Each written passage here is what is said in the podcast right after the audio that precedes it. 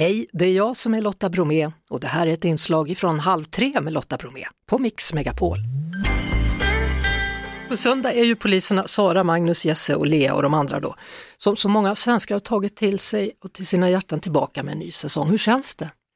Det känns jättebra. Lite läskigt men bra. Tunna blå linjen igen. Mm. Förstod du redan när ni började spela in den första gången att det här kommer bli något? Ja, att det skulle bli något och att vi var väldigt stolta över det vi hade gjort. Men eh, vi kunde inte förutsäga att det skulle bli så pass bra respons. Som Mm. det, blev. det kan man ju aldrig göra. Du spelar ju då yttre befälet Jesse. Vad, vad är det som har gjort honom så omtyckt tror du? Jag tror att, här, att han är snäll. Jag menar snällhet är en underskattad egenskap eh, hos eh, chefer och hos eh, äldre män. Och, så här, att, att, ja, att man inte är typig. Så att det, jag, jag tror att han är omtyckt och att han är pappa eh, och försöker, eh, inte alltid så bra på det men han gör sitt bästa. Ja, som så många av oss andra som Ja. föräldrar. Ja, Det är ju det, man känner igen sig ja, eh, serien då, Tunna blå linjen följer ju då några polisers vardag i Malmö med lägenhetsbråk, hat, hot och trassliga privatliv om det nu är så att man inte har, har sett den. Den här serien då, vad är det som gör att vi gillar den? Jag tror att det är en kombination av att det är en autenticitet i, man får en känsla av att det faktiskt är så här poliser jobbar. Eh, inte, man löser inte så mycket mord och sånt utan det är på riktigt. Och sen är det det här med att eh, både manus och regi och även ensemblen har fokuserat mer på relationer och själva dramat i det. Människorna bakom uniformen, att det är det som är det intressanta. Mm. Eh, och att man får åka med på den turen helt enkelt. Du är ju då det här yttre befälet, eh, Jesse, som både är det och sen pappan då som vi får följa i serien. Vad, vad har han det kämpigast egentligen? Är det hemma eller på jobbet? Ja, det, jag tror att han har det kämp... I första säsongen så har han det kämpigast hemma och då tycker han det är en lättnad att få åka till jobbet och bara få vara polis och inte tänka och inte känna så mycket utan bara vara, jobba. Mm.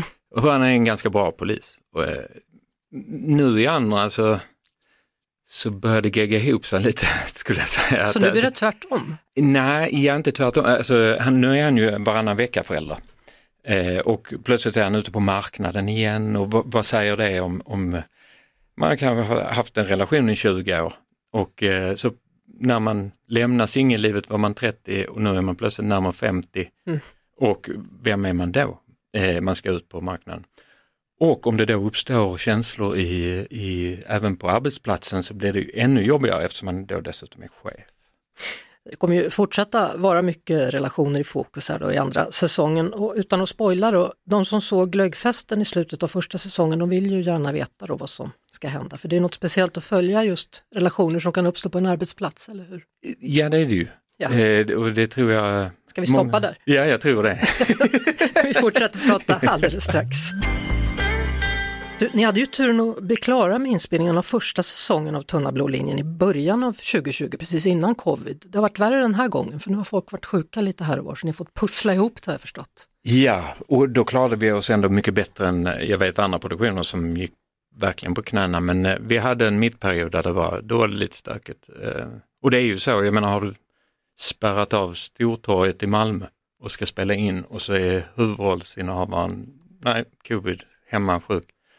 Så att eh, all respekt för producenterna som lyckades pussla ihop det i alla fall. Mm. Eh, men det var, de, de, det var nog mest de som fick gå på knäna där. Hur har ni som skådespelare förberett er? Har du praktiserat på polisstationen? Eller? Ja, eh, vi har haft kurser bland annat med Jimmy Enderley som är för detta, eller han är, man slutar inte vara skådis, men han är, blev polis efter. Så vi har haft ett par helger där man lär sig greppteknik, sätta, visitera och sådana här saker.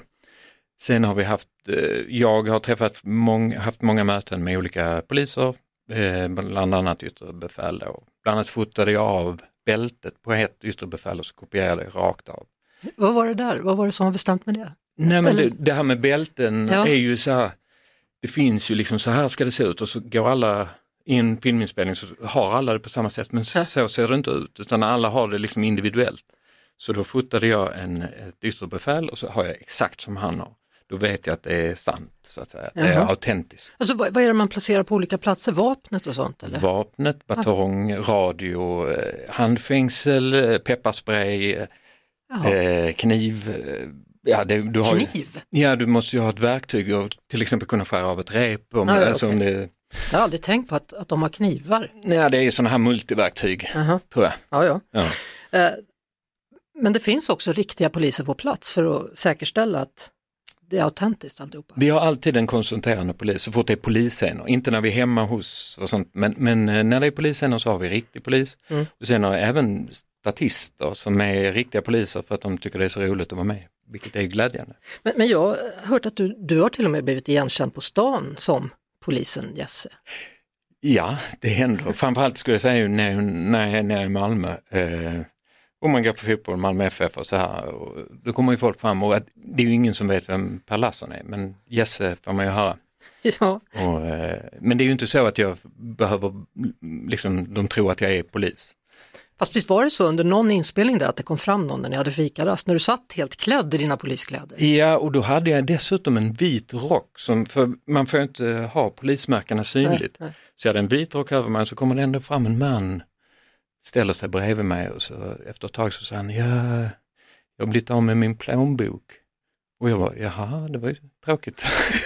Ja. Vad ska jag göra? Ja, du får fråga någon som vet, jag vet inte. Alltså han trodde, fast man står där med en macka i munnen och, och en vit rock över sig. Så att, eh, nej, det hände och det var inte bara mig utan det var många som... Men det är väldigt gulligt. Ja, det var det. Ja. Du, det är ingen idé vi pratar om Malmö FF och matchen igår va? Nej, jag skulle ändå säga att det var ett fall framåt. De, de, de kämpade på men det, gick, det höll inte hela vägen. Men, men eh, det, det lovar ändå gott. Jag tycker de spelade finare än vad de har gjort tidigare. Ja, vad skönt för dig. Eh, Du brukar kolla på Tunna blå linjen med din familj har jag förstått. Ja. Va, vad tycker barnen? De tycker om det. Ja. Eh, nej, det är, jag trodde kanske att det skulle vara lite pinsamt men det var det inte. Nej. De, de, det är en sån här lägereldsgrej vi sitter där och tittar på. Ja. Och vem säger chilla? Ja, det är båda, mm, kanske mest min son. Så det, säger du Och det, i, ja, det kommer in i, i, här, i säsong två så får jag säga precis som jag säger hemma. Jaha, När de säger, "Ja, men chilla, så- säg inte chilla. okej. Så, så mer och mer av, av ditt privatliv hamnar i serien, eller tvärtom? Ja, det, det var i manus så att det, det bara slumpade sig så, men jag var, det var inte så svårt att lära mig den repliken. Du, alltså, ser du annorlunda på polisen efter att du började med den här serien? Ja, alltså jag har alltid haft ganska stort förtroende för polis- polisen. Eh, jag känner, har många kompisar som är poliser. Eh, och de är ju väldigt vettiga människor och eh, jag tänker också bra poliser, sådana som hellre pratar än bråkar, eller, alltså kommunikativa. Men eh, min respekt har ju djupnat väldigt av de poliserna jag har mött och, och när man förstår deras arbete som är otroligt krävande och eh, Ja, men det ställs sådana höga krav, till exempel att de, de kan få ett larm om att det är ett lägenhetsbråk och så åker de dit och är beredda på att slåss, batongen i högsta hugg och- och så kommer man in och så är det egentligen ett suicidförsök. Då ska man växla ner på bråkdelen av en sekund ska du växla från att vara beredd på att slåss till att eh, försöka prata, eh, lugna ner en människa som är beredd att ta sitt liv. De växlingarna, alltså det är inte alla som skulle klara det tänker jag. Nej. Ja. De, de hade ju förut psykologi som en del av, av schemat på utbildningen, men jag tror att de faktiskt skar ner på det, men det kanske är dags att föra in det igen då, på ut, i utbildningen. Ja, och, eh, eller i alla fall ha det på intagningen. Mm. Att eh, man har, väljer ut de som är, skulle kunna eh, omfamna det ämnet. Per Lasson är det alltså som är dagens gäst här i Halv tre med Lotta Bromé. Jag måste bara notera att du har ett jättestort skägg, men det är inte för nya serien. Det är för en annan serie. Ja, Eh, precis, jag har haft klippförbud sedan jag slutade på Tunna Blå. ja, Jesse har ett kort skägg, eh, men eh, här har jag ett annat skägg. ja, för du ska vara med i Ronja Rövardotter, du är en av rövarna. Exakt, Mm. så att eh, jag ser ut som, jag hoppar över gränsen där till, blir rånare istället för polis. Tack så mycket för att du kom hit idag Tack så hemskt mycket. och lycka till med Ronja Rövardotter och på Viaplay framöver. Tack så mycket. Det var det. Vi hörs såklart igen på Mix Megapol varje eftermiddag vid halv tre. Poddtips från Podplay. I podden Något Kaiko garanterar östgötarna Brutti och jag, Davva, dig en stor dos skratt. Där följer jag pladask för köttätandet igen. Man är lite som en jävla vampyr. Man har fått lite blodsmak och då måste man ha mer. Udda spaningar, fängslande anekdoter och en och annan arg rant. Jag måste ha mitt kaffe på morgonen för annars är jag ingen trevlig människa. Då är du ingen trevlig människa, punkt. Något Kaiko, hör du på Podplay. Därför är gardinerna.